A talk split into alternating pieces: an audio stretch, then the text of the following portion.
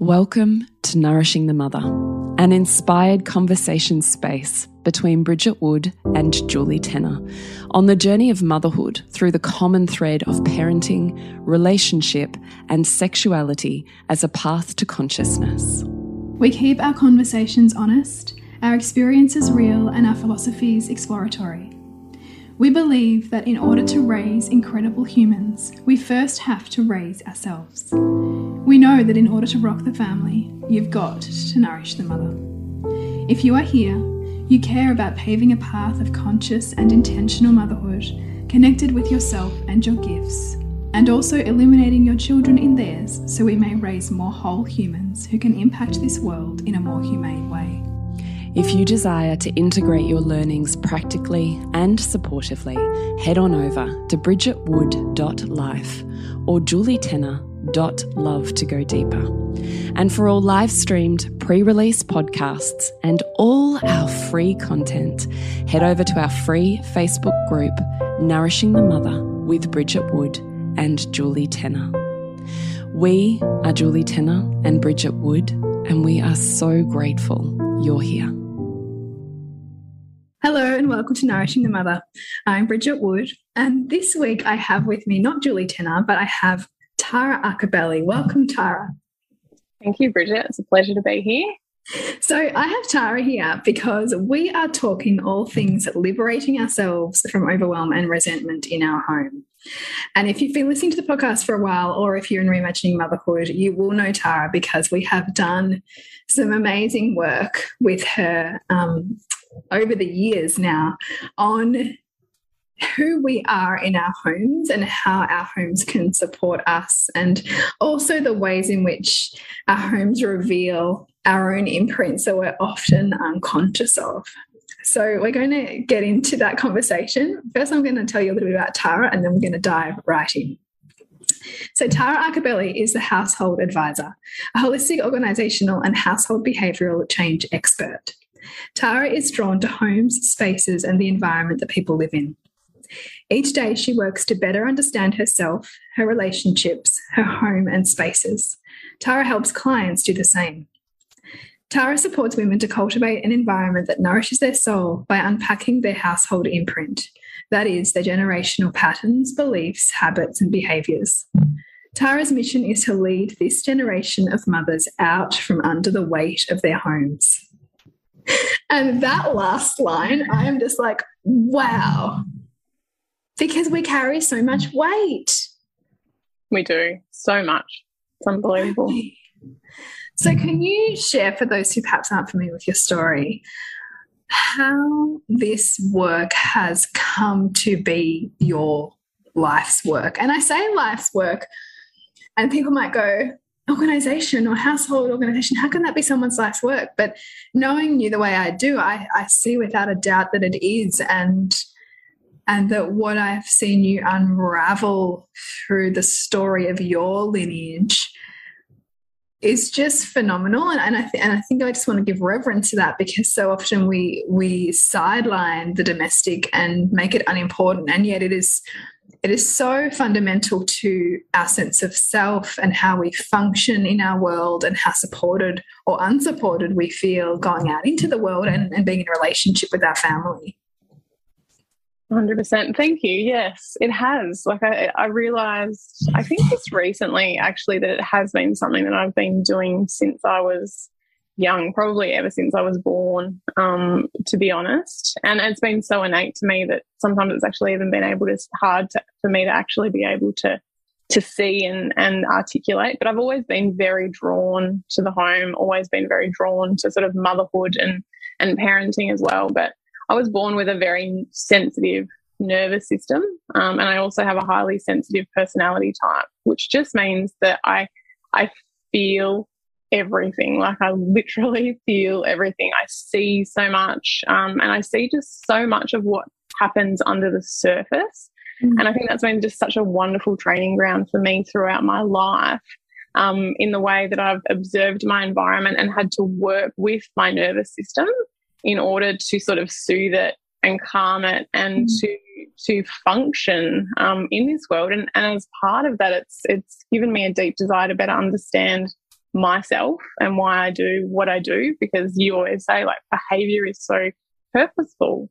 Like mm. there's a reason why we do what we do. Um, and I think for a long time there were there were parts of me that I sort of felt um, were a bit awkward or a bit more shameful or things like that, but that have actually been um, a gift because they've just they've taught me so much and they've been they've helped me um, navigate this world in just a whole new new way, I guess. Um, mm-hmm. And I also I think I said this before I think on the podcast, but I grew up in a in a home where not a lot was said, but I felt like I could just always feel a lot of sort of the undertones um, of that, which just meant that I've just had to navigate life and, and the world in a certain um, way and lots of sort of different life events as I've gone along the path as well um, have even accelerated that. And and I love to learn um, mm. I think as well.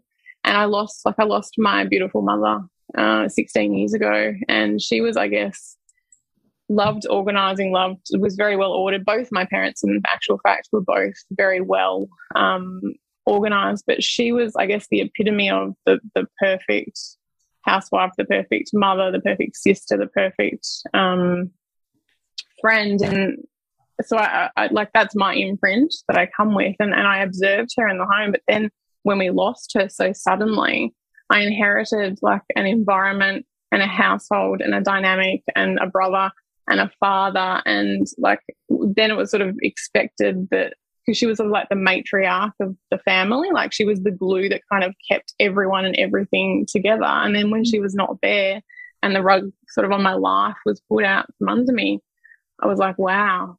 Like I didn't like I just realized that so not not the burden, but the, the weight of of the silent load and the work that she did so mm. beautifully and so effortlessly in the home. But I, I saw the toll that ultimately that then took um, on her because we're conditioned to believe to give everything and leave nothing for self. Um, and I don't remember her ever resting. I don't really remember her ever being sick or ever really taking a break. Like if somebody needed something or that something had to be done at home and the family needed something, she was always um, there. And I think that so like she didn't leave enough then for herself. And then by the time she realized that she wasn't 100%, then it was a advanced stage four cancer diagnosis and there was nothing that could be done.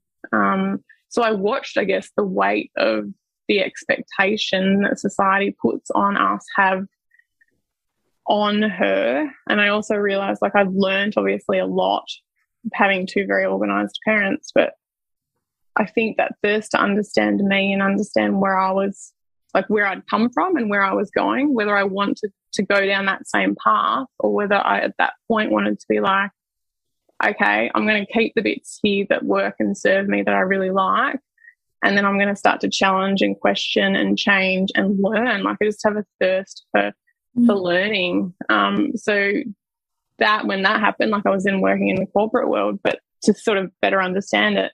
But then when I had my son, um, quite a few years later after that, and went into the home full time, everything that I'd done throughout my life, like every department, every um, work colleague that I probably ever worked with that I had ordered and organized. And I just had a beautiful way of going into an environment, working out what the dynamics were, like what that sort of soup was.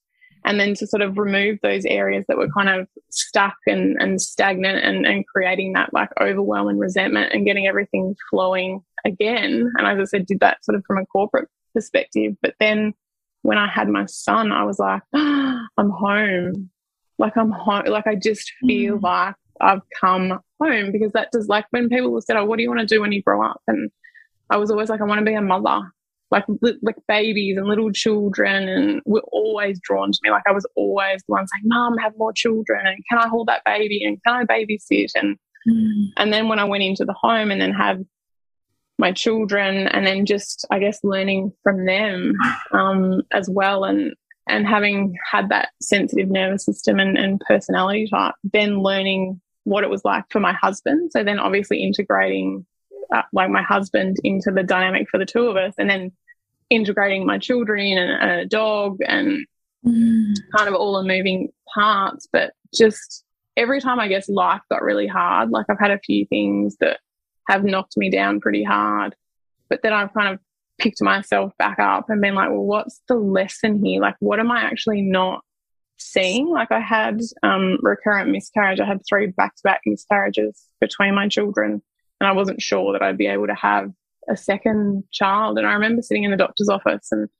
he said to me, You've had a live birth before.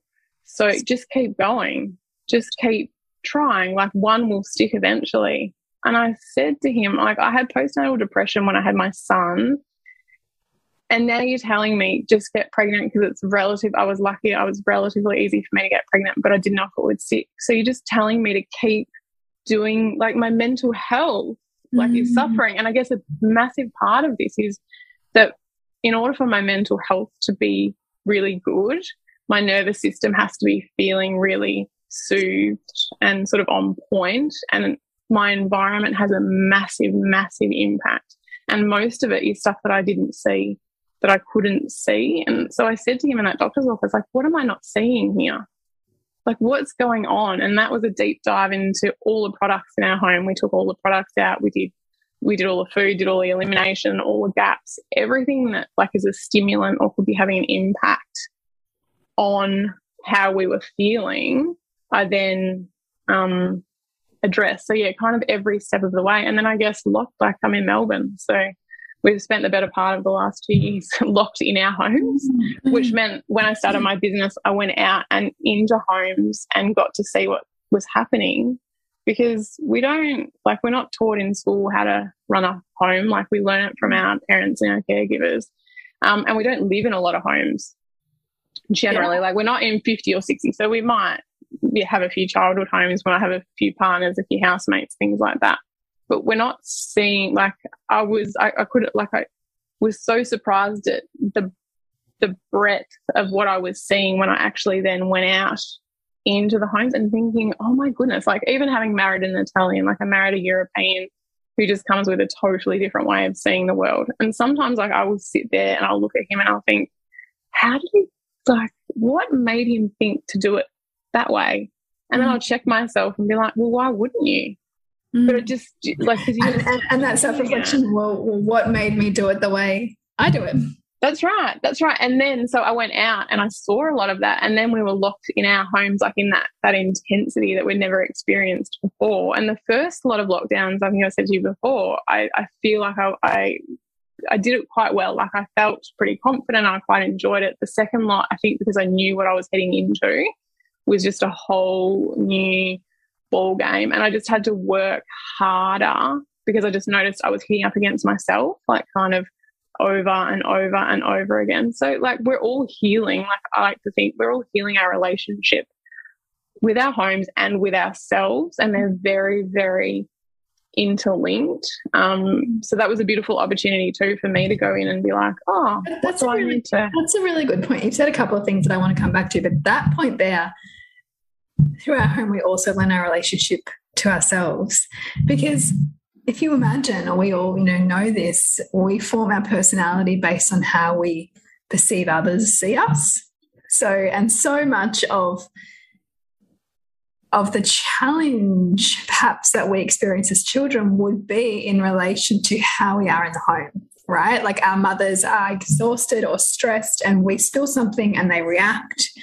Or we want something from them and they're busy and they react. And so we all have these nervous systems that are wired in certain ways in relationship to aspects of the home, but that we don't get to see until we see it play out with our own children. Or we see ourselves, as you're saying with your husband, in comparison to others. And it's through that comparison that we come to know ourselves better. 100%. Absolutely. And the more.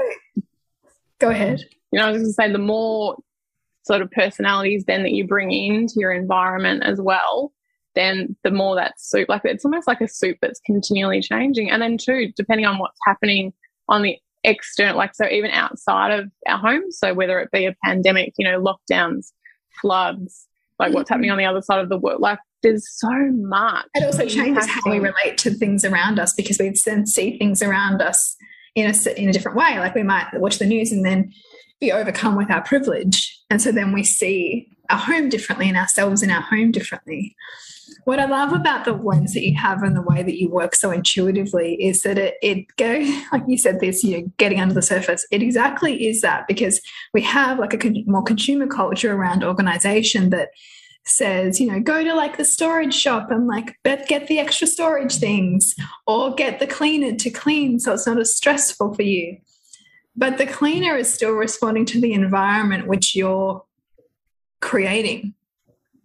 And, you know, I've felt this in the past too. Sometimes when I've had a cleaner, it's like, oh, I have to clean for the cleaner. I hear that a lot. so, then, uh, so, so, so, whichever way you look at it, whether you get additional help or you, you know you, you're looking for that perfect storage item to, to take care of your problem, you still can't get away from the fact that it's you mm. and how you are in your environment that sets up how you feel in that. 100%. And like no amount of extra cleaning or extra storage items can allow us to escape from that reality. And I'm sure everyone listening has a certain area of their home, perhaps that is their angst point or their you know place where they shame spiral or the place where they just can't seem to tidy or organize and you would see that, as I understand it, as really insightful and purposeful and something to open up and explore about what it means for you, not just something to fix. Am I right? Yeah, hundred percent. And it's it's about. I guess that's. I always think too that your home is like tells the story of you, and as you said, there's no escaping you. And I think I really learned that in lockdown. Like it doesn't really matter what else kind of you bring in or like I could come in and I could order and organize your entire home and you could have a cleaner all of the time but nothing actually is going to change in your home until you're addressing the interactions. So that relationship that that co-creation and and and what you're kind of bringing to that relationship I guess. And and lots of cleaners say that to me all the time. I would have more time to do the role that I'm there to do which is cleaning if the spaces were more ordered and organized as well because they feel like most of the time they spend is on moving things and That's shifting things and yeah like going around rather than being able to come in to do the job that they're actually there to mm. um to do but yeah i just i think of i guess i just i think of the home very differently in that and I often say to my clients, like, to imagine it, like, imagine walking up to your home and like there being no garden and no facade, like it's just white, like it's a completely white, blank canvas. And it's just you. And then you walk through and you walk in and you walk into your living space or the sort of the biggest space in your home and you turn around and there's not one single item in there. There's like there's there's nothing. The only thing that's in there is you. And it's you. So the engine room of our homes is us and it's everything within that that we bring with us. So all those generational patterns that come, so that what I like to call a household imprint. So what you kind of learned in your childhood home, aspects of what you bring into your home as an adult, all those beliefs that are in your subconscious, all those habits, all those decision making processes and your values. Like values what's meaningful to you um, the way your brain works the way your nervous system is is wired. Like there's just so much but we don't see it. Mm, mm. because unless you're actually bringing that awareness and getting curious about it we're not looking because it's not a not so much a physical attribute. And i guess why i've had to notice it is because i get such a strong reaction. Like i'm so sort of so my sensitivity that people like I've my whole life been labeled you're just oversensitive. Well, it just it serves a purpose. So it's it's the feedback. Mm. It's telling me. So it's almost like I'm a sensitivity barometer, or like even like an over almost to a point overwhelm because I can walk into a space and as soon as I'm getting that nervous system feedback, then I know that my brain is over like processing too much because our brains have to process everything that's in the mm. space. Um, so I can get a really good read, I guess, on the silent interactions that are happening within that dynamic. And and it's I think you get away with it too for a while if it's just you and you're living on your own. But the mm. minute then you bring in, so you, the first step then is you bring in the partner or someone else to live with. And so then you've got two different imprints, you've got two different perspectives, you've got two totally, and as I said, my husband's Italian, we couldn't be more different, which in, I think is just the, the biggest blessing ever because he's opened my eyes and so has my beautiful mother-in-law just to a whole different way of, of seeing the world. Mm. And then you bring in like your children, which we say, what do we say? We birth our repressed parts and then we bring in animals and like there's there's just there's yeah wonderful but like that's just that's a lot like that's a lot without mm. like before we even start dealing with like our home is a like we're having a relationship with our home so where it has its own needs of like in and of itself plus mm. all the responsibilities that come with life and motherhood and children and and things like there's just there's lots of different layers but we I feel like a lot of the time we're just looking kind of at the surface and we're looking yeah. for a quick kind of like band-aid if I if I do this that'll just be the the quick fix but it's in the long run like it actually takes longer if you keep kind of band-aiding it to just mm-hmm. be like well, what's going on here and if you're hitting up like whatever you're hitting up against in your home, I feel like is like your next evolution of growth. Like it's yeah, it's it's it's like literally putting its hand up and waving to you. I'm over here. I'm over here. Like this is this is where I'm having trouble with my decision making. This is where I'm procrastinating. And this is probably like reflective of a part of my life that I need to empower because it's it's not empowered. And then when we're not empowered in our homes, we become reactive so we just living other thing to other stimulus.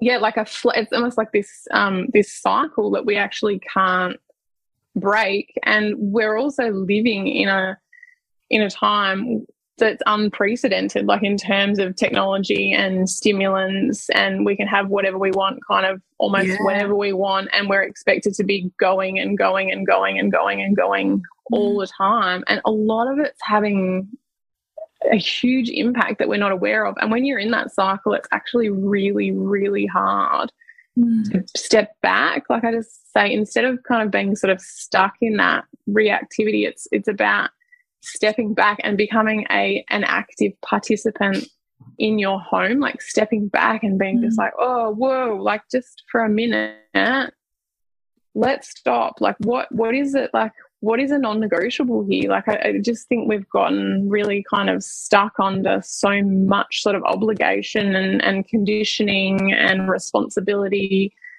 and we're just like can't even get our heads above water. And then it's just that constant, just hitting the same things, and then it's resentment and overwhelm, and then, like I just say to my clients, if you're complaining about it, then you need to address it.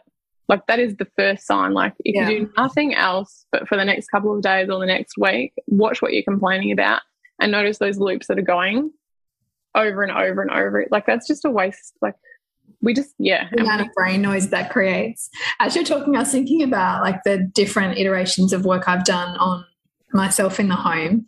And I remember like at uni, I would procrastinate clean, you know, like procrastinate by cleaning. And even like when I was pregnant with, I think it might have been Pearl, and my husband and I like organized like these massage therapists to come before. we had this beautiful night, just two of us. Both of us ended up spending ages like procrastinating cleaning, like as a way to like psych ourselves up for the level of intimacy that we we're going into because it felt really big. And so this is where I like to play devil's advocate with myself and others around what are you getting out of the burden right now? because the burden and the weight of it can also be a really insidious way to protect yourself from vulnerability. It can be a way to protect yourself from your next level of growth. Like, because if your house was suddenly all ordered and organized and everything had a place and everybody else contributed, then what would that mean for who you would like be called to become? Whereas there's infinite numbers of ways to hide in motherhood or hide, you know, our own things that we feel shameful about in the dynamics that we live in rather than taking ownership of them. And I mean, I don't say this to like add further weight to say the mother with the newborn or the mother completely on edge with with you know bigger problems and bigger stresses. But where you notice that your patterns in the home are, you know, potentially allowing you to avoid other things, it's just interesting to look at. Mm, oh, 100%. And, and interest, like people would say, oh, but surely that wouldn't be something that you'd have to check yourself on because you're so ordered and organized. Well, it is because it's in a different form. So mm. I find myself like it's it's innate, like it's second nature. It's my autopilot because I say most of the things that we do in our home are we're doing on autopilot. So that's my autopilot, and it's very soothing for my nervous system to clean and order and, and things. And also, in fairness to that, um, ordering and, and sort of cleaning allows our brain time to process as well. So it can be nice downtime. So that can be a nice balance. But I just notice when I'm avoiding something or I'm not wanting to face the emotions of something I should be kind of dealing with, my first thing to do, I'll, I'll notice myself, it's almost like an out of body experience, starting to order and organize and clean and things like that. And this year, because my daughter started prep, like I've had to really check myself and really become accountable to the amount of time that I spend even hiding behind my home. Oh, I know I can't I can't do that. I can't I can't have any needs of because again, my mother like put everyone else first. I can't have any other needs of my own because I've got to make sure that dinner's ready and I've got to make sure that this is clean. And and then I, what I guess I also learned this year too was that, that no matter what, like it doesn't end our list of responsibilities kind of never ends. It will never, never get, be. You never get to the bottom of the list. You never get there, and and it's it's a bit like society. It's a bit like even like appearance. Like there will always be something about us that we could pick on, that we could spend time getting lost in and trying to fix. And and our homes are kind of the same thing. And and look, he was saying that about the um, massage. It's it's often I think like if people ever want to come over and things like that, it's just that compulsion to make sure that everything is super clean or that and it, like my dad came over the other day and, and I just was like, no, I'm not doing that. Like there's nothing as, like, as you were talking, it totally reminded me of um, a quote in Women Who Run with the Wolves by Clarissa Pinkola Estés, and she says, I've seen women insist on cleaning everything in the house before they could sit down to write. Mm. Mm. And, you know, it's a funny thing about house cleaning, it never comes to an end. Perfect way to stop a woman. A woman must be careful not to allow over responsibility or over respectability to seal her necessary creative rests, riffs, and raptures. She simply must put her foot down and say no to half of what she believes she should be doing. Art is not meant to be created in stolen moments only. Yeah, and it's absolutely. I need to read that every day. yeah, I do too, and I think that that sort of changed the way that I I saw the home because it just it it stopped being like it will never be clean enough, it will never be perfect enough, it will never be ordered enough, it will never be kind of beautiful enough. So, and the only reason like that I'm worried about that is because then I'm trying to stop the judgment and I'm worried about what other people are saying, and then I'm thinking, well firstly, they're not living in my house. So that, like, I, I, obviously I don't want them to be thinking terrible things about me or anything like that. But at the end of the day, what matters is what makes you, like you or I, also for me, what makes me feel good in my home. And like when my dad was coming over, I just thought, this is not serving, like, this is taking energy away. Like, so I just have to draw a line in the sand to be saying, I need to identify in my home what serves my mental health, what serves my nervous system, what makes me feel good. Okay. And I'm very aware of that. Like if I walk into a space in my home and my nervous system starts peeing or I'm feeling that resentment or overwhelm, that's feedback that my space is not where I need it to be to be thriving myself. Parking. So if I'm thriving and then all the members of my family are thriving within that dynamic. Do you know I mean? That's they're the the, the non-negotiables that I need to be on top of. And I guess the more I've observed myself and more I've observed my family, the better I've got at knowing what that is. And then the rest, like if I get a little bit extra time, then you know if I can clean the windows, great. or if I like just those little extra mm. things. It sounds, like a really, it sounds like a really integrated way of living rather than like a performative way. Like, you know, that whole, whole quick, we've got to clean, someone's coming versus like checking in day by day or, you know, like hour by hour sometimes of like, how am I feeling in this space right now? And then the next layer is, who am I getting annoyed at right now? Right? Because well, what we then tend to do is project onto someone else in the family for like not picking up their stuff or not respecting us or you know whatever that is. And I'd love you to talk a little bit about that on how when we because what we naturally do as humans is we you know our values shift and change and as we have a new set of values we then start to think everybody else should have the same set of values as us so great i'm going to order the house or i'm going to do this thing and everyone else needs to care about this too. And all that happens is we get hurt by our own expectations. So, how do you suggest that women work with the other people in their home in a collaborative way to get the space to a place that feels nourishing?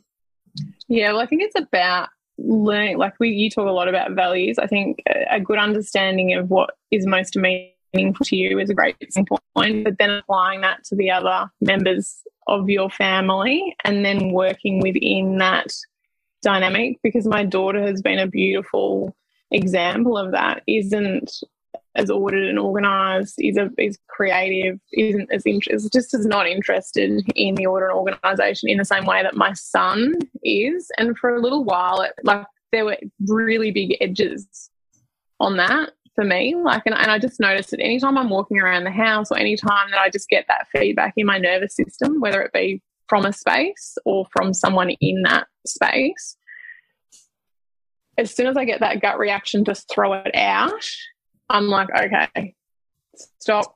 This is about me. So this is this is about me projecting, trying to project that out onto someone else. And I say it to my children all the time, like, what's going on for you that's making you want to behave in that way and then addressing that and then working collaboratively with them. So my daughter is very, very creative and that makes her thrive and that fosters just just everything. But a, a really chaotic environment for me with a lot of stuff means that my brain has to well everyone's does, but mine has to that processing of my brain then has a negative impact on my nervous system. So I can't relax, I can't be calm, I can't. And then I'm more likely to be like flying off the handle at her because of that. So I've then worked with her collaboratively, like to me to be like, okay, so drop your expectation. How can we find a happy medium? So I started to talk to her with some of my principles, like, let's give everything a home. So lots of those like sort of big principles that I have, make a decision about it, like just sort of stepping her through some of the basics and then having her take responsibility at the end of the day or before she goes to bed or if she's brought a whole lot of stuff into our bedroom i'm just saying it doesn't live there like that's not its home. I, it doesn't feel good for me. I'm happy for you to do that but you also need to be respectful that we all live in this dynamic together, which is exactly what I say to my son. Like he, I think said the other day, but, it, but it's your home. Like, don't you, isn't it your responsibility to to look after all of it? And my husband's like, no, because we're a team. Like we're a team helping each other. We all have different strengths. Our, we all have different values. We all like we all function differently. But if we're looking at the home as a whole, we all bring a different like strength to that. And it's just working within each other's strengths and then working out like what is setting everyone kind of off. And that will change like as you transition. Like as I said, my daughter started prep this year. Like transitions will mean that the home will have to ebb and flow and and change depending on what's um, happening. But it's just I don't know better understanding yourself and then better understanding everyone that's in that environment. And then what's triggering? Like what are those stimulants? And what are those things trick because that will be different for different people. Um, and then addressing kind of those like for me i guess sort of the big ones um, are sleep and food two big things that set me off and a lot of stuff in my spaces. And then sometimes even if I used to have this a bit of a vacuuming compulsion. I would almost say like I had to be vacuumed all the time. It doesn't have to be, but the second that my eye starts seeing a few things on the floor and it, that loop starts going, I'm like, no, okay, that's feedback and it's going to make me feel better. Like, so it's not about, you're right, it's not performative. It's not about it has to look a certain way. Mm. My thought is, I want to create an environment that works for me, that has our, us thriving, and that will look different for everyone. Like, there is no one size fits all, it will be completely different, but it takes a bit of time to work with and observe and talk. Like, talk to your children. Like, I've talked to my children so much about it. Like, they will call me out on things. Oh, well, no, you no, well, you would tell me to do that. So why are you not doing it? Or like my husband will say, oh, well, if a client was, he's like, you're complaining about that. If a client was complaining about it, you'd say them to like tell them to do something about it. So just kind of all working together and and checking each other um, as you go along. But yeah, it's it's fascinating. Like you just learn so much about yourself. Like I say, our home is like our greatest training ground. Like everything you ever needed to know about you is right there, like laid mm. out mm. in front of you, like in like your decision making processes, what you value, the way you see the world, like your lens, and then you bring in all these other aspects with different lenses, which is almost like, oh, so yeah, you can. I guess you can either be reactive and hit up against it, or you can choose to sit there and be like, well, what am I not seeing here? Because all behavior is purposeful. Mm-hmm. So my kids are doing this for this is happening in my dynamic or my environment because it's trying to teach me something. Mm-hmm. So, like, what do I need to address? Like, what's it saying that needs to be looked at right now? And, mm-hmm. and it's not like it's not easy. Like I have to do this work as well, like every day. And sometimes I'm just like, oh, come on, like, and because I do so much of it, like it's probably even more sensitive. I'm like, oh, we just have a break this week. Oh, I just, I don't want to have to. yeah, I don't want to have to be. I don't want to have to be. No, right. This podcast is brought to you by Tantric 101 Trust, which is a five lesson free course with me for two weeks only. It's free. And if you are wanting to re-establish, rebuild, reconnect, and create new trust within yourself, your body, your relationship, and your sexuality, then it's a fantastic place for you to start. You can find out more at julietenner.love and flow mind body mothering which is really for you if you're feeling called for more support more structure more guidance gently from me on how to get past the overfunctioning which leads you to resentment and disconnection and overwhelm in your mothering. And on the other side find some more spaciousness. You can find out more about that at bridgetwood.life it's funny because um, a couple of years ago when we first did Liberate, you came into my home and you went into Julie's home and we did like a a video actually, which we streamed into Reimagining Motherhood each, which shows like the process of what like we sped it up, but it shows the process and just the like the density for like me, like when you went to my office and I'm laughing because I'm thinking it's the same problem still. Like I have these collections of books in all these piles, like in in my house, and I have these collections of like notes, and it's like, yeah, that's looking to be ordered and organized and structured in some way, but no, I just let that continue to pile up, and that is purposeful for me right? Like, what am I getting out of not bringing order and structure and a place for those things?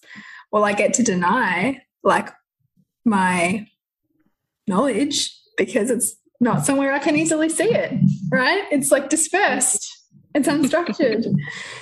and I just find that really interesting to lean into because I'm paying a lot of attention at the moment. I'm sort of changing some behaviors around the house, and we've just put like a skylight in our bathroom, and we've finally got stools at our big bench, which we've, you know, like we renovated like six years ago and it's turned this space into a all of a sudden an amazingly functional space but what it requires of us is that you know things have a home now because it can't be the collection of things that there were there in the past and so when you have that new commitment it then helps you see your behaviors more clearly but i'm just i've just been so humbled by the way that we have such a selective bias. Like the brain just doesn't see stuff until it finally sees it.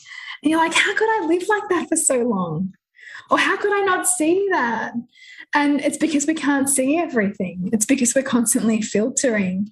And I think that's where we can bring more softness to those in our family who just don't see the thing that we keep seeing in them or that they do or don't do because that they've actually just it's like they haven't even computed it mm. and it's almost yeah and, and that is and it's so painful like oh, yeah. it's like oh this is just horrible but because i guess i've been doing it for so long i just I, i've changed like I, I as soon as i get that that anger or that that trigger it's that training of the brain to be like oh no stop there's something for me to learn like it's just mm-hmm. trying to mm-hmm. broaden my lens like it's just trying to open my eyes to something that i've not seen before so it's actually there to help me even though it feels horribly painful and because our brains don't ever want to change like they just want to keep doing the same thing we've always yeah done or, or they'll do it's something hard. in reaction like you know you were talking a little bit earlier about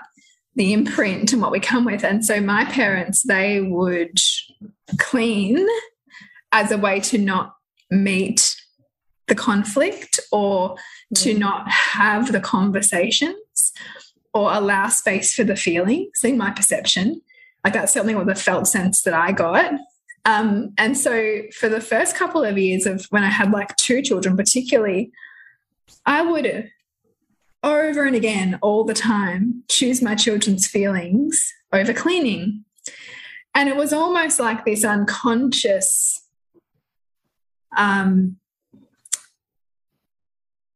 unconscious way of trying to reconcile what I felt were unmet needs in me.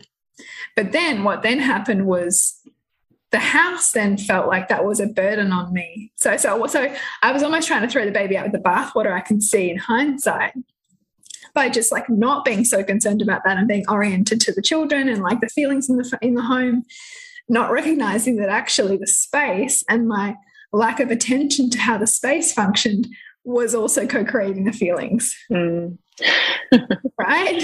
Yeah, no, hundred percent. I think with my third child and with you know the work we've done over the years, it's helped me come to this like better place of kind of equanimity around it to kind of see why my parents you kind of like coped that way and and also the part of me that actually really desires that too and does that in some ways like you know perpetuates that same kind of imprint and but they also have the flexibility that if the space isn't the way that I want it, I can still be okay. Like that I don't need it, you know, just to kind of like to practice that non-attachment to the way things have to be while still improving your baseline, I suppose.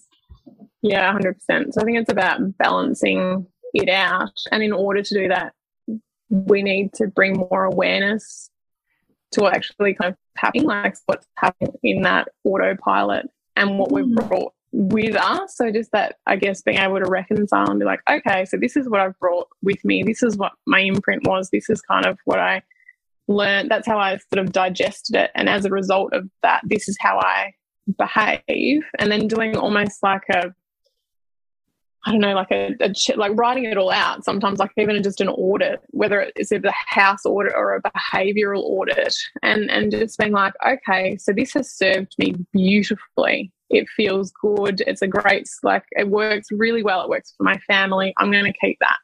But here are these areas that are not working for me, that I've brought with me, that aren't serving me, that I'm hitting up against, like, might have worked for me in the past, but he's making everything, like, he's just making life harder than it needs yeah. to be. And then just really being like, right, firstly, is this a non negotiable? Like, can we live without this?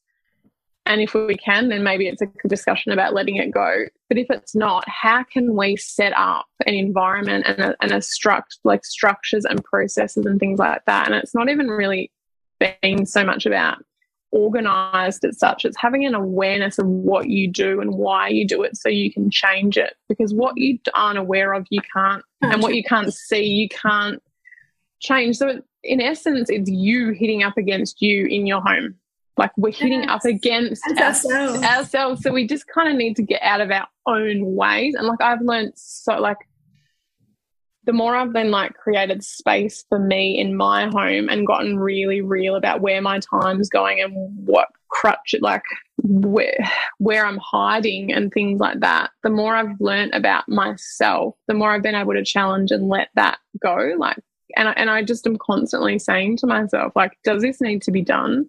Like, what benefit am I getting from this? And did that serve me three years ago? Well, it might have served me three years ago, But this is where I want life to go. And ultimately, I want our life to be more efficient and to be easier. So we have more time as a family. Like, mm. you can't get your time back. Like, I just always think yeah. you can't buy time. You can't get it. Like, once it's gone, it's gone. So just really doing an order and a check of where that time is going. And sometimes, like, then too, if I'm doing something and I'm really resentful of it, then there's things obviously that need to get done. I'm not saying like just stop doing all of it, but you you need to find that happy medium as well and get to that place where you're doing it authentically rather than feeling like you have to do it because someone else like a should.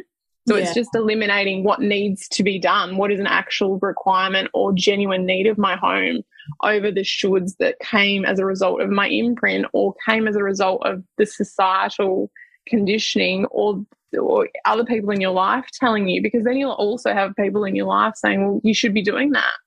And mm-hmm. often i think as women like if it's a you know a parental figure or someone that we we really value their opinion and they say something to us sometimes we can really just internalize that. And i internalized a lot of that. Like i need to change that behavior because it's my like there's something wrong with me like it's my fault whereas now it's it's it's more of I, i've got a bit more boundaried, I guess, in my energy and my time to really hit that, like to to bat that back and be saying to someone, "Really, mm. is that my responsibility? Is it like why do I? Why do you believe like?" And then having conversations, like if my son or my daughter or my husband says something to me, and saying to them, like, "Is it? Is it my responsibility? Should I be like I don't know whose responsibility?" is it? And why do we believe that? So it's just that kind of constant awareness, curiosity, and asking good questions to peel back the layers to really work out what's driving. Because it's always that behavior that's underlying. Like, yeah. and as I said, all behavior is purposeful. So mm. why are you doing it? If it's not benefiting you, then what's another way mm. that you can do it? But yeah, sometimes it's also hard to see it in yourself. So the beauty of having other members of the family and even animals, like it's so funny. Like there's things that my dog will do that will drive me absolutely bananas. And I'll just be like, but he's a dog. Like what like what but, I, but I also think from an energetic point of view, this is going to sound a bit out there. But I also do think animals will take on the responsibility of expressing dynamics too. So if you're like so obsessed with cleanliness and order and like structure and you push that down, like to say, you know, like that that becomes your way of having to be, then the animal will come in and shit all over the floor or something. Like there's going to be some kind of like rebalancing that's occurring. Yeah, and I th- I think with our dog in particular, um, he and it's interesting. I've noticed that maybe he's getting older, but he would bark like he's a beautiful dog. Like has always been a very easygoing dog, but he would bark a lot, and mm-hmm. particularly like not so much when anyone else was here. If I was ever at home by myself, or if I had to do something like a meeting or something on or something that was important to me, or I wanted to have a nap, he would bark. And for years it drove me crazy. And I look back on that and I just laugh and I think, well, because I didn't. There was like he was kind of expressing that voice that I had. Did I didn't. Guilty? Did you like feel guilty like that you weren't allowed to? Like, well, like, were you allowed to rest? And well, like, yeah, and that, yeah, well, there you go. That was probably part of it too. But I've noticed that lesson a lot. Like, the stronger I've kind of gotten, the more aligned. But yeah, and that's right. And the, the more at peace, because also I watched a mother that just kept, like, you, you have to push. Like, I, I grew up with that mentality no pain, no gain. Mm. And I just stop and I think, like, and even when I'm around the house and I go to throw, like there'll be a couple of one liners and I'll go to throw out and I just think to myself, just stop, like think about and unpack what you're saying because then like I, my children are internalizing mm-hmm. what I'm saying as well. Like, hold on a minute, like no pain. Yeah. So just being really mm-hmm. careful about that. But yeah, that's right. Like I could never ever have down, like she could never have downtime unless everything was perfectly clean and ordered and everyone's needs were met and then then she could have and look she did she did. She definitely had like she loved to tennis so she did make some space for that. But i have no doubt that there was there were other things that she probably also um wanted to make more space for. But yeah and then as i said like the more layers and then particularly in those early years with children that you know that are on you all of the time that are requiring more of you than you've mm. ever and that was a huge wake up call for me because being type A, going into motherhood, like again, like that that setup and that belief as women, we should know how to mother, we should you know, it should come naturally, we should know exactly how to breastfeed, like all those things that everyone you kind of take a professional attitude to it. Like you move one, you move out of one profession yeah. and one, you know, like track of perfection into a new one which I, I did too, right? Like, you know, it's a research project and I am going to research this to the nth degree. Oh, um, no. What's helped me a lot looking at the way that you work, and we're going to do a bit of this in Reimagining Motherhood coming up because I'm really thrilled that you're going to be taking us through some another liberate, has been workflows. Like the workflow for my children on when they get home from school, for example, and we have a school cupboard, which I got the idea from from from you, because I know my kryptonite is trying to get people out the door and us not being able to find stuff. Or like, you know, people taking too long to, you know, like they've lost their hat or they've dropped this. And what that does, it just takes it all away. They, the school cupboard is always replenished with school socks. There's always a clean uniform in there. The children know, although they have to be reminded, the, the moment they get home from school, they unpack their lunchbox and they put their bag and shoes away. So I'm not constantly tripping over bags and shoes. I'm not going to find a lunchbox that hasn't been emptied and cleaned.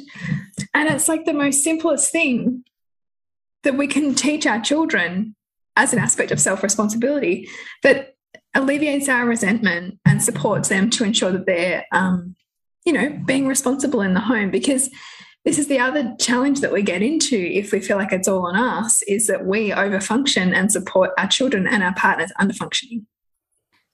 100%. And that is not good for them.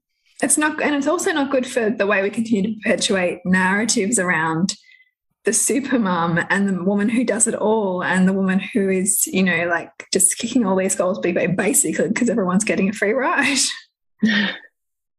Yeah, no, and I, I as I said, I, like I learned that the hard way in having the mum that overfunctioned for everybody else. Like I learned a lot, but also I think it capped me to a point because I just relied on her to be there and to be kind of doing it. And then I guess that was the hardest lesson of all. Like when she died, I didn't know where she ended and I started. Like we were so mm-hmm. close and so intertwined and I like codependent almost that I didn't even know what life was like. And then I had to learn to live and function in a home that wasn't like it was mine, but it wasn't my dynamic as such without someone there then mm. to support me. So I'm, I'm, I also have to check myself with my kids because it's it's easier for me to do it for them. So I'm very intentional, and that's why like we look at certain areas like the like having the school station and like having homes for things so that it's just getting them it's that repetition. So i'm finding with the children too like the more you repeat that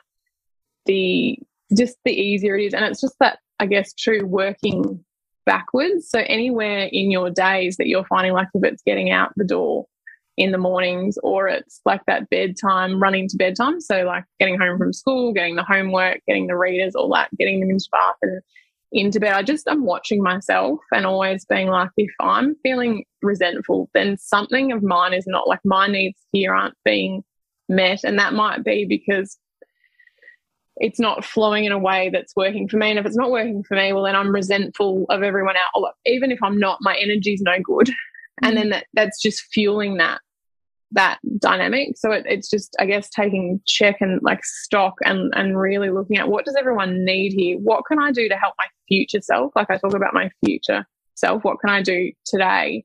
So I start on the front foot. So my spaces and things are, are closed the night before. I start my day afresh on the front foot because I know for me, the biggest trip for me is if I feel like I've started on the back foot, it's hard to get out of my head for the rest of the day. Like I just live in my head rather than being like, if I set this up, I have processes and structures in place, right? So that that masculine sort of structure, then I can flow like that mm. feminine flow within that because I know, like everyone kind of knows what's expected and it won't work every time. Like there'll always be days where things come in and throw it off, but there'll be more good days than harder. I'm smiling because you're, I'm seeing the, the beauty of that masculine because I, I cook dinner every night and sometimes I'll get the dishwasher on afterwards, sometimes I won't.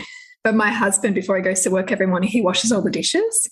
And he he has in his head and he says it because I want you to have a start from fresh mm. like for the day and like some and i don't always appreciate like that but you're right because it means that I, I know that whatever i've got planned for my day i'm going to be starting it with clean kitchen yeah and that that makes the biggest difference like this morning because my husband like uh, we're opposite so i'm a lark and he's a night owl so everything like we dinner will all be cleaned up everything will be in the dishwasher the dishwasher will run and he will empty that before um, he go like before he goes to bed because I go to bed much earlier than him. And then this morning, it's interesting you say that. So I went down, and then so all the lunch boxes would be in that dishwasher from the night before, and normally they're just in the drying station, like if they're like they haven't dried off. But I then, if if I on occasion have to do that myself, I will then lie everything out so it's it's already on the bench, so it, the space is set up, like not overly, but it's enough for like one less thing that my brain has to think about. Anyway, this morning I got up and I walked into the kitchen and he'd set it all up. Like he'd what like he's watched me enough yeah to know what I do. He'd refill the drink, like just that little bit of he'd yeah. refilled the and I just said to him, thank like and, and that's a massive part of it too. Like, thank you. Like that that five minutes that you took to do that serves it just serves all of us because then yeah. I feel like I'm being seen and mm-hmm. valued. Um, and most of the time we'd be like, oh, we just expect that he would do that. Well, no, because unless like you've had those conversations, we can't be expecting other people to to read our minds. Like yeah. I know that you guys talk a lot a lot um, about that, and I just I was like, oh, that, that's that's like like you don't need to thank me, and I'm mm-hmm. like, no, thank you, because that gets me off on the like. And then this morning, just I don't know, and, and I felt appreciated. Like it's, it's, it's, it's, a form of. I think it's a form of holding, and because we do as mothers so much holding of everybody else, just those little gestures that feel like we're being held in our, you know, overwhelm, is really, really like powerful. It's it just feels like, a, an extra breath that you can um, get in your body. Hundred percent. And so much of what I see in the home is that, like, regardless of anything else, that women and mothers just want to be seen.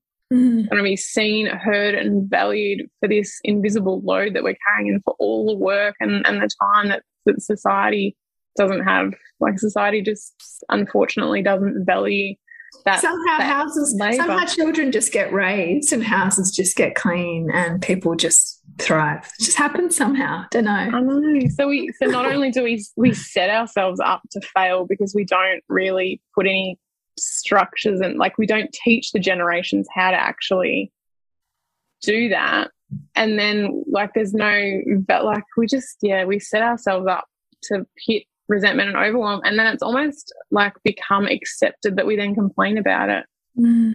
but we well, should like we should just yeah. complain because you're not if if you're not complaining then you're not doing it right like you should be then I don't know, complaining about that also keeps us really stuck because it's what, you know how that you know that saying misery loves loves company.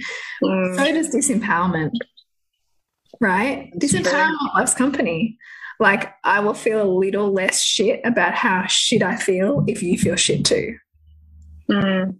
Which is not like lifting anybody up. Like, it might meet you, you might feel met in that, but we also don't change narratives if we simply just a little bit like last week's episode when Julie and I were talking about you know, her prolapse and just the way we treat women's health. As long as women suffer in silence, as long as women go back to the oppressive obstetrician because somehow we should trust them, then we continue to perpetuate the same systems. And that's what's happening in our homes. It's what's happening yeah. when we don't have the conversations about what we need. It's what's happening when we slip back into our imprint and reinforce gender roles. without like meeting in the middle and going, what would you love to take care of and what would I love to take care of and how can we how can this feel good for both of us? Um, those are the conversations that we need to have. But if we're too if if we get to hide too much in what we do, even if we resent it, because we're choosing the devil that we know rather than the one that we don't, then we're still saying disempowered. 100%. And I think, too, we just have this mentality um, to just survive, like this survival mentality. And I guess I just, I, I have a, like obviously a, not a great ending, like a, a, like I've seen the result of that sort of just let's just survive, let's just keep going, let's keep pushing, let's keep going. Like didn't serve mm. my mother. So I don't want to like in those early years for motherhood were really hard. Like I had postnatal depression, like I hit every kind of personal edge I could almost have hit. And that just made me realize that I want to thrive. Like, I want to show my children how this can be different. And I want the generations that come after me. Like, so I value something that, that a lot of people don't value, but it, it may, I don't know, like, if you're feeling good, like, how much better is your life? And as, as yeah. women like we're the, the, the we're the leaders. Like i feel like we're the, the we're sailing the ships. Like what kind of ships do we want to be sailing? Like just a, a ship that we're always like that's got lots of holes and that we're constantly plugging yeah. the holes? Or do we want to build that kind of ship that can hold us and mm. and protect us and nurture us and like and it's not it's not going to be perfect but whatever that means for you like I don't know, like as women, can we stand up and, and be saying, yeah, it's important that I have a voice and it's important that I have needs and it's not in place of anyone else's. Yeah. It's not,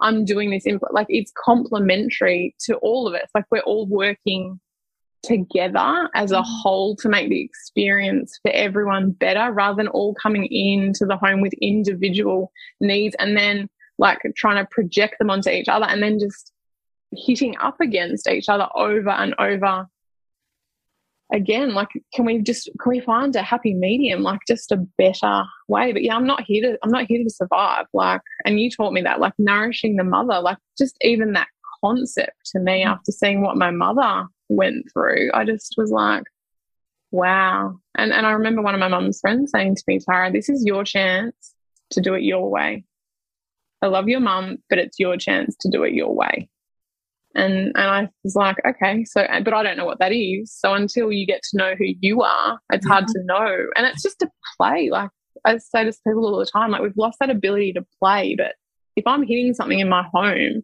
I turn to my five year old who doesn't have all that, that layering that I have. And I'll say, and she's very creative and a problem solver. And I'll say, right, how would you do that? Or I say to my son, how would you do that? What would your experience of that be? Mm. And then I'll just think to myself, wow, like I just would never have come to like, I'm so layered and conditioned. So the more I've got to know myself and I've unpacked my imprint, the, the more of that layering's moved away. And when that layering moves away, I think, well, like you peel back, but it never ends. But the better you get to see yourself, the more you understand why you're doing and behaving the way that you are and then you can work with it rather than constantly. I spent my life hitting up against my nervous system, like fix it. I want it to be different. Why is it not different? Instead of saying, well, there's a reason why it's this.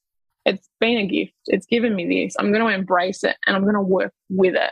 Mm. So let's all work together as women and hold each other up. And yeah, just do it your way and do it in a way that breathes life into you and to everyone else, not you doing it in a way that breathes life only into everyone around you. Because everyone around you is better when you're at your best, like when mm. you're showing up as the best version um, of you. But in saying that, like that's that's a lifelong lesson for me. Like I have to constantly be checking mm. myself because when things speed up and times get hard, my autopilot masculine keep pushing, keep doing, even if you're sick, like go and go and go. And literally, like I would only ever rest when my body stopped, like until my asthma got really bad, till I got really unwell.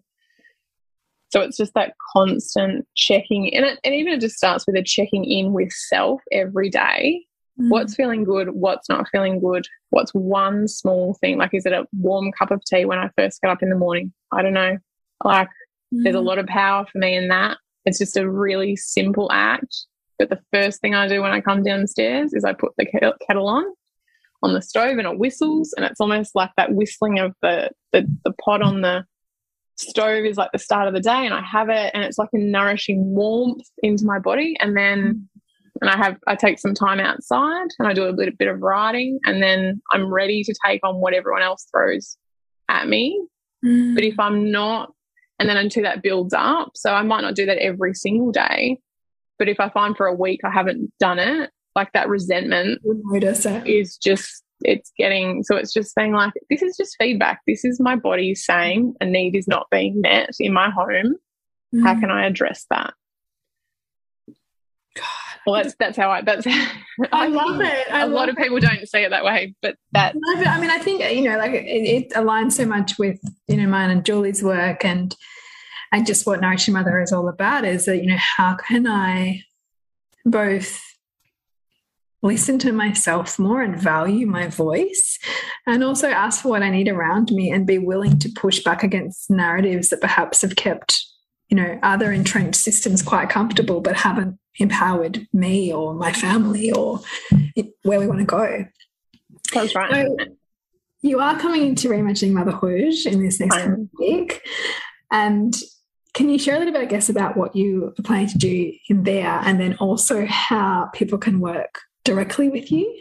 Yes, I will. So I'll come in and I will be talking a lot about, I guess, the nervous system and quieting down our spaces and I guess to creating space and time for us. So the practical applications of a lot of what we talked about, there's quite a lot of sort of common first steps that I like to take clients through to just get them thinking about things quite differently, whether that's be that they create a list or a couple of starting points, like I said, with a cup of tea and, mm. and things like that. So just starting to think about some processes and some practical applications to then build in whilst you're sort of watching and observing what's happening in your spaces. Um, and then also teaching people like working through and, and helping them sit with themselves in their their spaces and a bit too of unpacking of different I like to look at different kind of rooms of the house and, and how that relates to different areas of life and mm. and what that's kind of communicating um, to you. And you gave me some more food for thought when we were talking about schools. I guess it's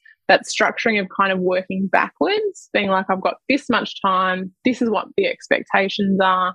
So how can I um, bring in that kind of that masculine sort of holding pattern that'll get me to where I need to be that's a happy medium for everyone. So it's not like I'm sitting there barking orders all the time. Like everyone kind of knows what's expected. And as I said, the more of that soft kind of structure and routine that you build in, the easier it becomes because our brains love repetition. So particularly with and the smaller your children are, because obviously they're watching they're always watching us like they're they're they're also listening to what we're saying but they're watching what we're doing and how we're interacting in our environment so a mm-hmm. lot of like thinking about what you're wanting to be teaching them and then role modeling it in a way that yeah fuels their values and gets everyone's needs kind of met so yeah a lot more of sort of the practical applications and working with the women to answer like sort of any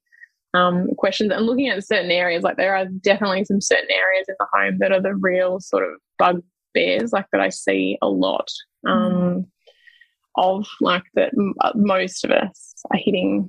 Um, and I mean, even sometimes, the, sometimes the simplest things, like uh, my kids will often say, "Can you get me a glass?" And it's because we've had our glasses up where they can't reach. And I've been meaning to change it for so long. I finally did the other day, and then it's just like that that irritation of that constant interruption when I'm doing something else or my husband's doing something else to be asked for a glass is gone away because we've actually met our child where they are and have made it something they can help themselves with, which is very much a Montessori kind of principle. But I think sometimes we can miss all of the ways where we could be making it easier on ourselves because we're just not really looking at it. And so I love that you're going to be taking us through some practical stuff in there.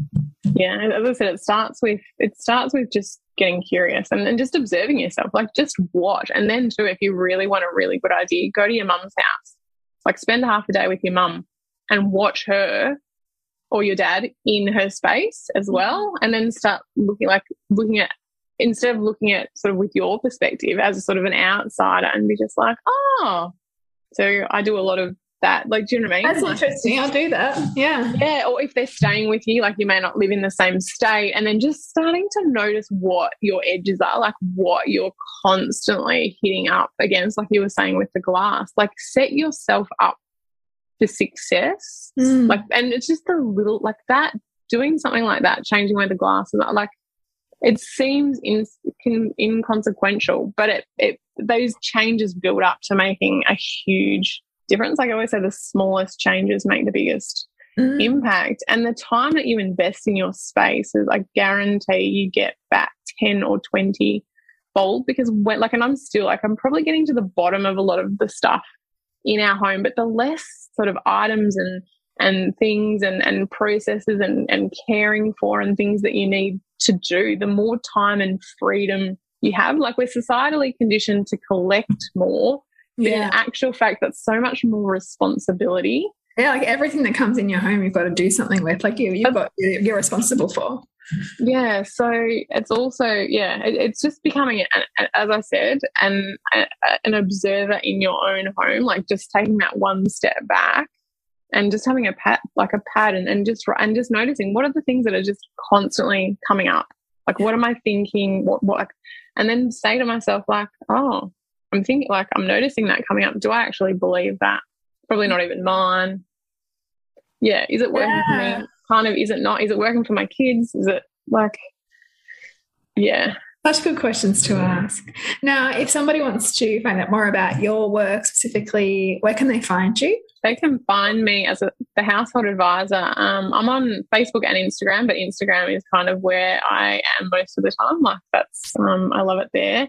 Um, so I put all my sort of, I guess, t- tips and tricks and advice there. I also have a website, so www.thehouseholdadvisor.com. I have seven workbooks on there. I also have an ebook and a guide, lots of um, free resources, and you can work one on one with me, um, as well as a couple of options there. And I can work with, I work with people all over the world. So I can work with you virtually, or if you're in the southeast in Melbourne, where I am, I, I also am open to coming in um, to your spaces and working with you there one on one.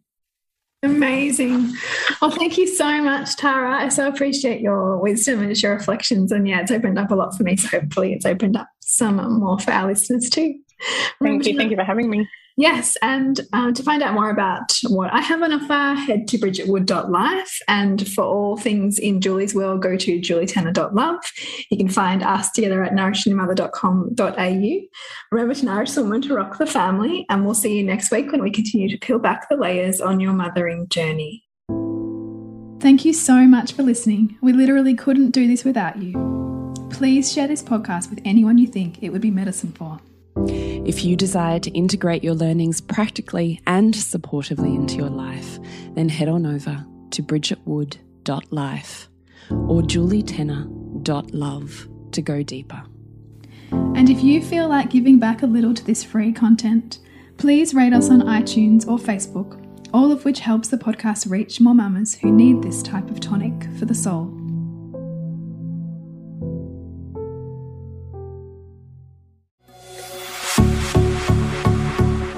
This has been a production of TheWellnessCouch.com. Check us out on Facebook and join in the conversation on Facebook.com forward slash The Wellness Couch. Subscribe to each show on iTunes and check us out on Twitter. The Wellness Couch, streaming wellness into your lives. Whilst the Wellness Couch presenter endeavor to provide accurate and helpful information to their listeners, these podcasts cannot take into account individual circumstances and are not intended to be a substitute for health and medical advice from a qualified health professional. You should always seek the advice of a qualified health professional before acting on any of the information provided by any of the Wellness Couch podcasts.